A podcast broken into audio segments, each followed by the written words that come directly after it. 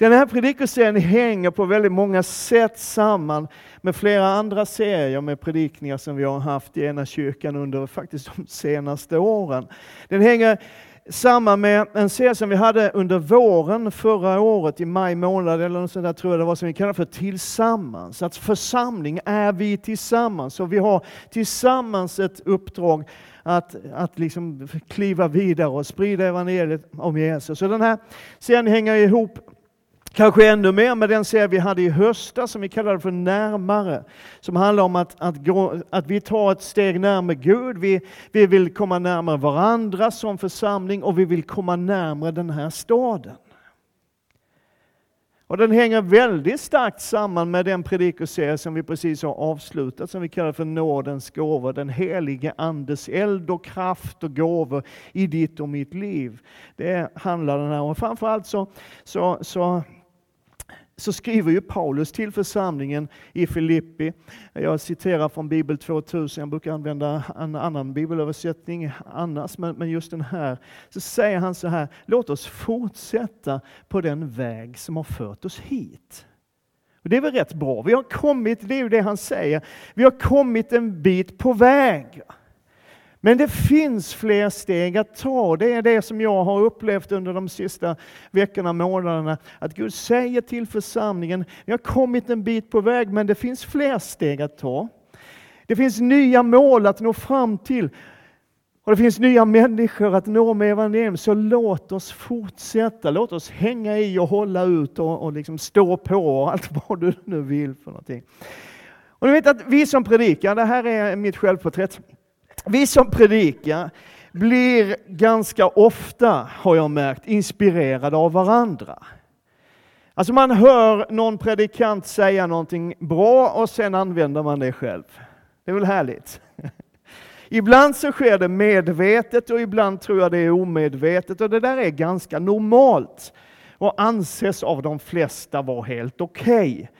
Eh, det finns ett uttryck bland predikanter, jag tror det var, var eh, eh, pastor Britta Hermansson som myntade vid något tillfälle, och sa så här, ja fast orden tillhör ju de som behöver dem. Och det är bra, eller hur?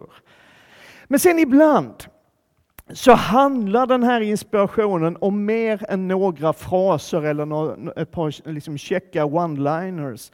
Liksom när en hel predikan, eller en bok eller en föreläsning berör en som predikant så djupt och är så bra och så viktigt som man bara känner, det här måste jag få dela med församlingen. Och då hör det till anständigheten att peka på källan. Eller hur? Är vi överens? Bra.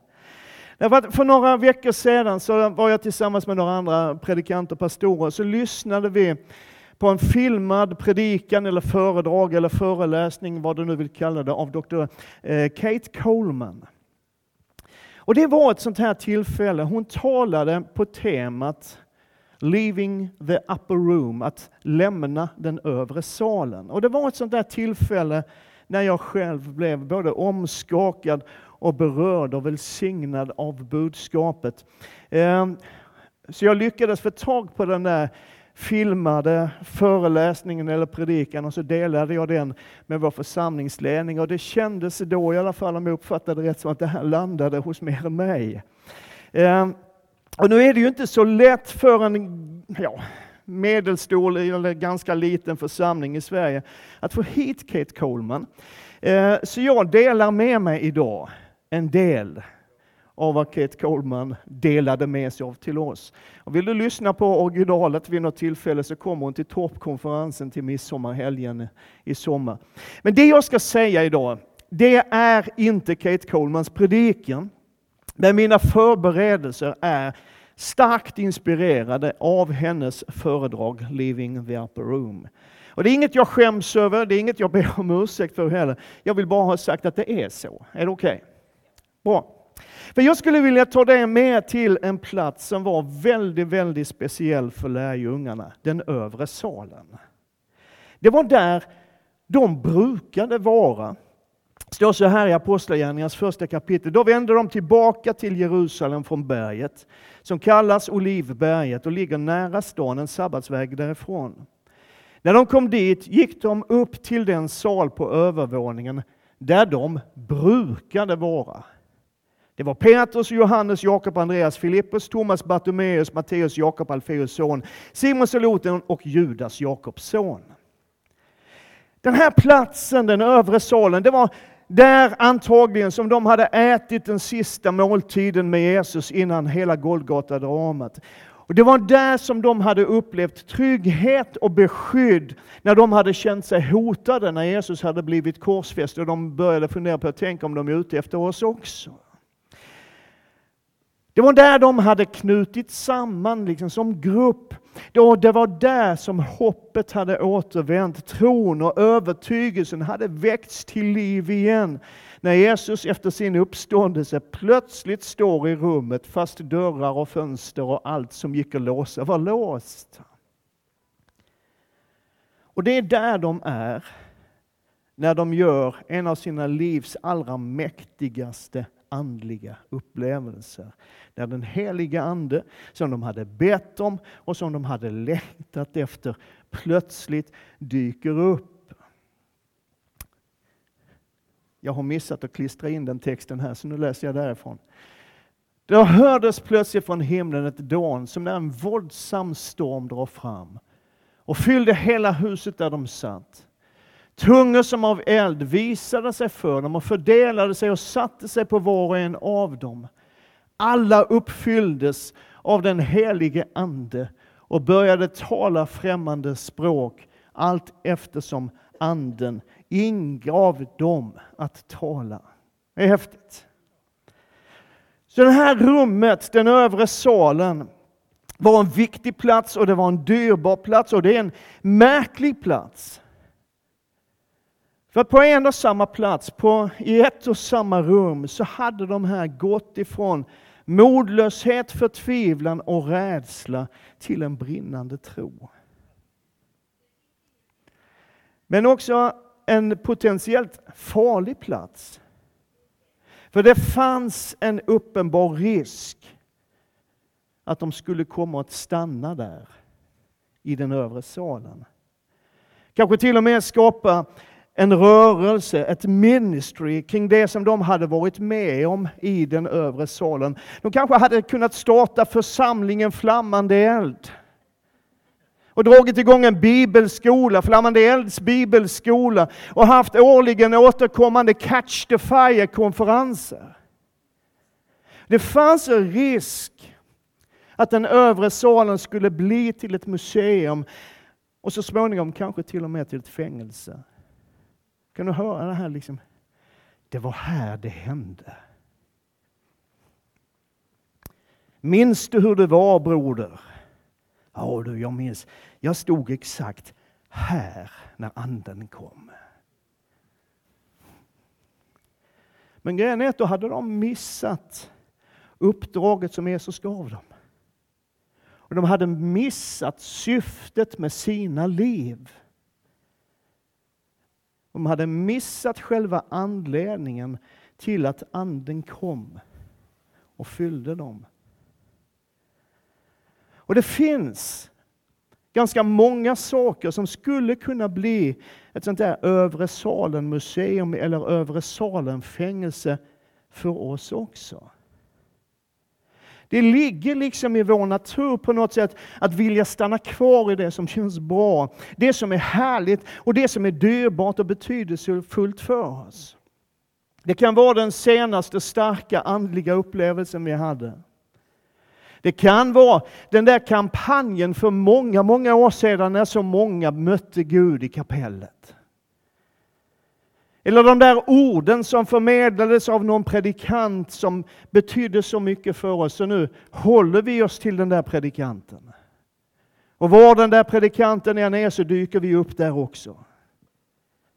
Det kan till och med vara en annan kyrka, ett annat sammanhang som vi har fått för oss har hittat den där rätta vägen någonstans.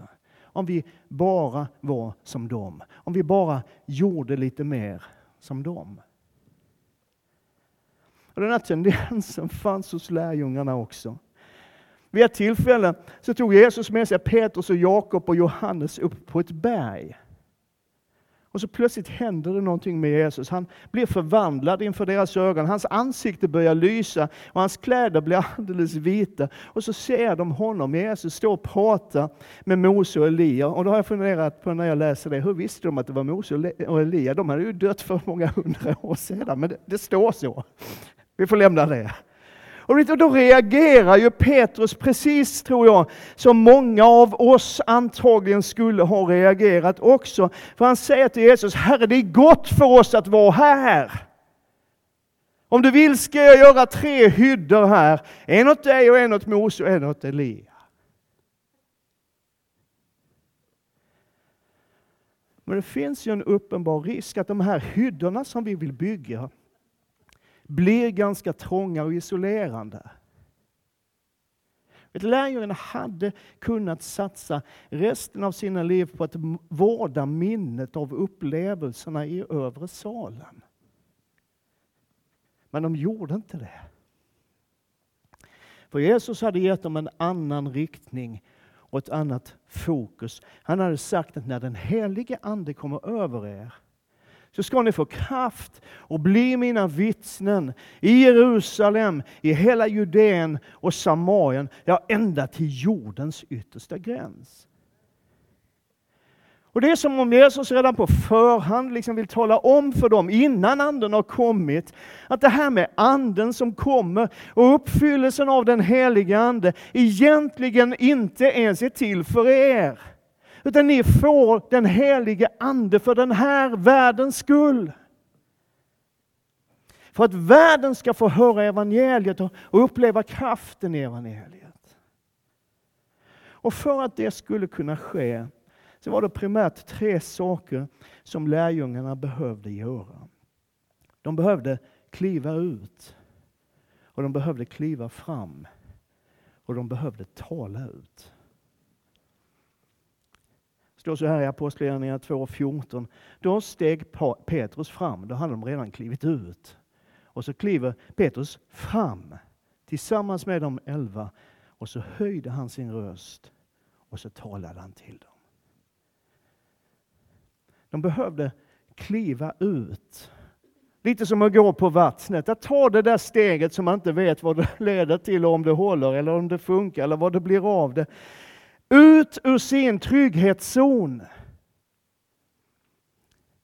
Lämna det som var deras bekväma hemmaplan. Men grejen är att det räckte inte riktigt. De behövde ta ett steg till. Om sanningen ska fram, och det ska den väl, så har vi ju gjort en massa saker genom åren där många av oss inte har varit helt bekväma. Eller hur? Eller hur? Är du här? Vi har stått på torget och sjungit med en skrällig högtalaranläggning och ett ostämda gitarrer ibland och hållit korta brinnande appeller. Och vi har knackat på dörrar, en del av oss i alla fall, knackat på dörrar hos främmande människor och frågat om vi får berätta om Jesus. Och vi har delat ut små skrifter om Jesus i tunnelbanan. Och vi har spelat gatuteater och dramatiserat bibelberättelser. Och grejen är, och det här är viktigt tror jag, att när vi har gjort de där grejerna som vi kallar för evangelisation, saker där vi inte alltid har varit helt bekväma, så har inte de som vi har försökt, försökt nå heller varit särskilt bekväma. Det har du inte tänkt på. Det är liksom som om de här mötena mellan människorna, åtminstone ibland och kanske till och med ganska ofta, har skett utanför allas trygghetszon. Och det är ingen som har känt sig särskilt bekväm. Tänk själv hur du reagerar när de kommer och knackar på din dörr klockan sju på kvällen. Du har precis ätit och vill se Rapport eller vad det nu är för någonting som du ser på. Och så knackar det på dörren. Och antingen så är det Jehovas vittnen eller också är det Very Sure. Eller hur? Hur bekväm är du just då? Jag vet hur bekväm jag är och det är inte särskilt mycket. Häromdagen så var det någon försäljare som knackade på min dörr. Gittan frågade, vad är det där? Är inte det ett sånt där larmföretag? Jo, så jag. Då öppnar vi inte, sa hon. Och det gjorde vi inte heller.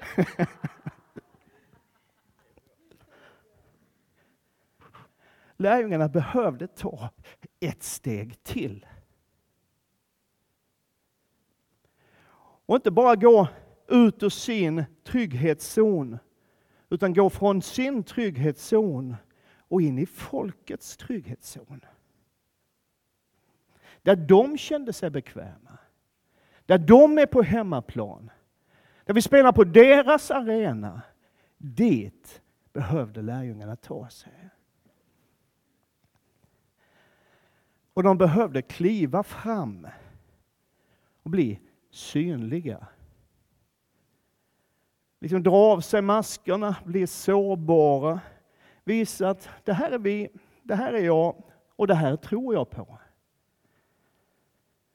Och det fanns ju en fara i det. Eller hur? Alltså de visade ju egentligen att den där Jesus som ni fick avrättad och korsfäst, vi tror på honom. Han är vår kung. Vi älskar honom. Vi är precis som han. Det fanns en fara i det. Och alldeles nyss hade den här gruppen av troende människor varit inlåsta bakom stängda dörrar i rädsla för vad som skulle hända. Och det vet ju liksom både du och jag, tror jag, att åtminstone i vissa sammanhang så är det säkraste sättet att bli idiotförklarad att berätta att jag tror på Jesus. Eller hur? Vi har mött allihop. Det brukar vara okej att säga att jag tror på Gud. För det är det många som gör. Men du vet, om du blandar in Jesus i den kompotten. Eller hur? Ja, jag tror på Gud. Ja, det är, jag tror på något. Jag tror på Jesus. Du är dum i huvudet. Och det jag vill säga är, jag vet att det här inte alltid är så lätt. Jag vet att det kan vara jättesvårt att hitta rätt sätt och rätt tillfälle att berätta för andra människor att man är kristen. Och jag vet också, för det sitter någon och tänker på just nu, jag vet också att det är stor skillnad på din situation och min situation, att du och jag står inför ganska olika svårigheter. För mitt problem, om man nu ska kalla det ett problem, det är ju att de flesta människor som jag träffar redan är troende. De allra flesta som jag träffar liksom under, under veckorna är redan troende människor. Jag jobbar tillsammans med kristna människor, åtminstone har jag fått för mig att de här på expeditionen har, har någon sorts tro på något. Jag sitter i möten under veckorna med kristna människor. I min familj är alla kristna och så gott som alla mina nära vänner är kristna människor. Hela bunten. En av de få gånger som jag är tillsammans med människor som inte bekänner sig som kristna är när jag spelar golf. Och jag tyckte vi behöver fler golfbilder i våra predikningar i ena kyrkan. Det har varit en brist under hela vintersäsongen, men nu är vi på gång igen. Amen. Och du vet, även i de situationerna så har jag en fördel framför dig. Jag är ju liksom, fatta mig rätt nu, för annars blir det här jättejobbigt. Men jag är ju på något sätt yrkeskristen. Är du med? Det är mitt jobb att vara lite frälst. Nej. Men det är så här, jag ska, jag ska bara berätta en grej för dig. Alltså golf skiljer sig lite grann från andra sporter, eller de flesta andra sporter, genom att man inte alltid själv liksom bestämmer vem man ska spela tillsammans med. Alltså man kan boka en tid, en, en tid, time, en, en, tid för att, att gå ut på banan. Och när du kommer dit så kan det stå två, tre andra där som ska ut samtidigt och så spelar du med dem, helt främmande människor som du aldrig har träffat innan och kanske inte kommer att träffa igen heller. Och det är ju härligt. Men grejen är att, att när jag gör det där, man går ju tillsammans under ett par, tre, fyra timmar ibland, fem ibland, det beror på vem man spelar med. Spelar du mejlet så tar det sex timmar. Men, men, man går, och då blir det ju att man småpratar lite grann. Och det är ju liksom standard. Vi har ju ett par olika saker vi är intresserade av, vi svenskar. Och det är inte, man frågar inte någon hur mycket tjänar du? Eh, sådär, utan man frågar, vad sysslar du med? Har du fått den frågan någon gång? Vad gör du när du inte spelar golf? Det är ju uppenbart att du inte är golfproffs. Alltså det, det kommer ju alltid i det samtalet, vad sysslar du med? Och då säger jag ju som det är, jag är pastor. Och det är märkligt, men det är så gott som alltid, alltid, åtminstone när man spelar med män, så är det exakt samma reaktion. Och nu tittar min fru strängt på mig, så jag ska göra det här på ett snyggt sätt. Om nu säger så här, vad sysslar du med? Jag är pastor. Så kommer, åh, kraftuttryck. Alltid. Nästan helt utan undantag. Jag börjar tycka det är rätt roligt. Vad, är du? vad gör du för någonting? Jag är pastor. Åh. Sådär. Ja. Och sen blir det ofta inte mycket mer än så. Sådär. En, en gång så spelade jag tillsammans med, när, när, när jag bodde i, i Skåne. Vi var ett gäng, som, ganska många, som brukade dela upp oss och spela på ett par tider. Så då, då var det vid några tillfällen jag spelade med en, eh, en äldre dam. Jag är äldre dam, hon var i min ålder. Men, men, men, men, när vi hade spelat ihop vid några tillfällen så frågade han, vad sysslar du med för någonting? Så jag sa, jag är pastor. Och då kom det inget kraft och tryck, för där var en kvinna. De är finare i kanten. Men så, jag har nog anat att du var lite religiös, sa hon. Och så, så, va, va, hur, hur, har du anat det? Så, ja, men du svär inte när du missar, sa han. För det första så missar jag aldrig. Nej. Det jag tänkte då var, ja du vet inte vad som pågår inuti mig, men det är en annan sak. Nu har jag tappat bort mig lite, men jag ska tappa på mig igen. Alltså grejen är att jag har den här yrkesmässiga fördelen. Liksom om någon frågar vad jag sysslar med och jag kan säga att jag är pastor, så är det ju liksom underförstått, ja men då har du en tro på någonting. Och det har hänt vid några, några tillfällen, inte särskilt många gånger, och, och, kanske mest om man möts igen vid några tillfällen. Man spelar en gång och frågan kommer och kraftuttrycket kommer, sen nästa gång man råkar bli ihopkopplade i en spelomgång så kan det här samtalet ändå komma igång. Du har inte riktigt, antar jag, den yrkesmässiga fördelen att få hitta andra sätt men låt mig få säga det här, att du har en annan fördel. För antagligen är det så att du under stora delar av dagen, under stora delar av din vecka har människor omkring dig som ännu inte känner Jesus Kristus. Och en del av dem kanske vet att du älskar Jesus och andra kanske inte vet det. Och låt mig få säga det här också, att jag talar inte om det här idag för att ge dig eller mig dåligt samvete för att vi inte kliver fram mer. För jag vet att det här inte alltid är så lätt. Men jag tror att Gud genom den helige Ande vill locka dig och mig att våga kliva fram lite till blir lite mer tydliga. Ett litet steg till. Tänk på det så här, jag vill säga det här som en uppmuntran, men tänk på det så här. På din arbetsplats, eller din skolklass, eller din frimärksklubb, eller i din familj och släkt, eller i din bokcirkel, eller var du nu finns någonstans i vardagen, så finns i alla fall en kristen du. Visst är det härligt? Var du än är så finns det i alla fall en kristen där. Och då tänker jag så här. Vad skulle det betyda om fler visste om det? Att i det här gänget finns det en kristen. Vad skulle det betyda om en till i den här gruppen av människor som är din grupp av människor, om en till visste om att här finns det en kristen. De behövde kliva ut och de behövde kliva fram. Men de behövde också tala ut. Berätta om Jesus. Och poängen här är, som jag ser det, att de inte var i övre salen när de gjorde det. De var liksom inte hemma i församlingen Flammande elds trygga lokaler, utan de var där på folkets planhalva, inne i folkets trygga zon. när de berättade om Jesus. Och Det finns en outtalad, tänker jag, kanske ibland omedveten, men ändå rätt så tydlig strategi bland oss kristna. Och Den strategin går ut på att allt som vi gör handlar om att få människor att komma till kyrkan. De ska komma hit och här ska de få höra evangeliet. Här ska de få höra om Jesus. Och det här är inget nytt, det här har pågått. Jag har varit predikant i hur många år som helst, 40 år snart. Och det har varit hela den vägen, jag tror det har varit tidigare än så också. Först så talar man ibland om, ja men människor ska komma inom ordets hörhåll. Det är ett fantastiskt uttryck, eller hur? Om människor bara kunde komma inom ordets hörhåll.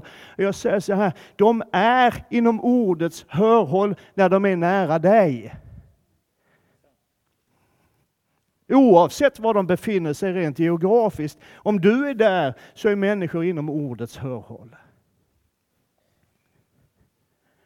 Och det är klart att det är målet. Det är ju självklart så att Enköpingsbor ska komma hit, de ska bli döpta och bli en del av vår församling och verkligen på djupet lära känna Jesus Kristus. Men när vi läser apostlagärningarna så är det lätt att upptäcka att evangeliet allra mest och allra oftast predikades i folkets trygghetszon. Och att under och tecken som skedde genom Andens kraft och Andens gåvor och Andens närvaro, allra mest och allra oftast skedde i folkets trygghetszon. Där de kände sig bekväma, där de kände sig hemma. Och för att undvika alla missförstånd, lyssna nu. Det här är inte en predikan för att få dig att sluta komma till kyrkan. Det kan vara bra att veta, anteckna det om du tar, antecknar någonting här. Liksom att, att du ska lämna din comfort zone för gott. Det är inte en sån predikan. Det är tydligt i apostlagärningarna att man fortsatte att mötas som församling. Att man fortsatte att mötas i hemmen, i templet, lite varstans, kanske till och med i övre salen, även om den antagligen, det vet du som har varit där, nog blev lite trång när det var 5000 troende i Jerusalem. Men man hade fattat grejen. Man hade fattat att evangeliet predikar vi i första hand i vardagliga möten med människor. Det fanns liksom en balans mellan att samla, att samlas för inspiration, att samlas för gemenskap, att samlas för bön och lovsång och allt det här. Och att sändas ut. Den balansen måste finnas där. Man samlades för inspirationen. Man samlades för att få lära sig mer och att få dela sina bördor, dela sina glädjeämnen, be tillsammans med trossyskonen. Men sen sändes man ut i vardagen igen med budskapet om Jesus Kristus. Visst är det vackert? Vi kommer att fortsätta det här temat ett steg till, några söndagar till, fram, fram till påsk tror jag det blir då. Och nästa söndag så ska vi se lite grann vad Bibeln säger om hur vi kan bli ledda genom den heliga Ande till någon eller några speciella personer. Vi ska läsa texten om Filippus i Apostlagärningarna 8. Det kan du förbereda dig på om du vill i veckan som kommer. Men jag ska göra någonting, innan jag går ner och sätter mig, så ska jag göra någonting som jag, jag tror jag aldrig har gjort förut. Amen. Om du vill ha någonting nytt så behöver du antagligen göra något som du aldrig har gjort förut. Åtminstone inte på det här sättet. Jag tänker be dig att bidra till förkunnelsen, till det vi delar. Jag vill ha din story. Your story to his glory. Amen. Och Det här är ju egentligen väldigt, väldigt enkelt. Är du med nu? Det här är jätteviktigt. Det här är enkelt. Om du vet vilken kyrka du brukar gå till och du vet i vilket land den kyrkan ligger, om du vet vad din pastor heter och att han stavar Kristen med K, så kommer du att fixa det här. Maila mig din berättelse. Och det är två saker som jag skulle vilja att du funderar på och sedan mejlar mig. Så här visar jag i vardagen att jag tror på Jesus. Alltså så här låter jag det märkas i min vardag att jag tror på Jesus. Att kliva fram. Amen. Och för det andra då, så här fick jag vid ett eller något tillfälle berätta om min tro. Att tala ut. Och det här får du göra helt anonymt. Alltså på det sättet att, att jag, jag kommer ju antagligen att se att det är du som mejlar mig. Men jag kommer inte att inför församlingen tala om att det här har jag fått från Lasse och så ska vi inte göra. Nej. Och om du vill vara helt anonym så använd den där e-postadressen som du skapade på, på 90-talet på, på Hotmail, liksom coolguy74, eller vad det nu heter, eller något sånt där som jag inte vet vad det är. Men grejen är att det du skriver, att det är du som har skrivit, det kommer att stanna hos mig. Det kan hända att jag kontaktar dig och ber att du själv ska dela det, men det är fortfarande helt frivilligt. Det är det, det är helt frivilligt.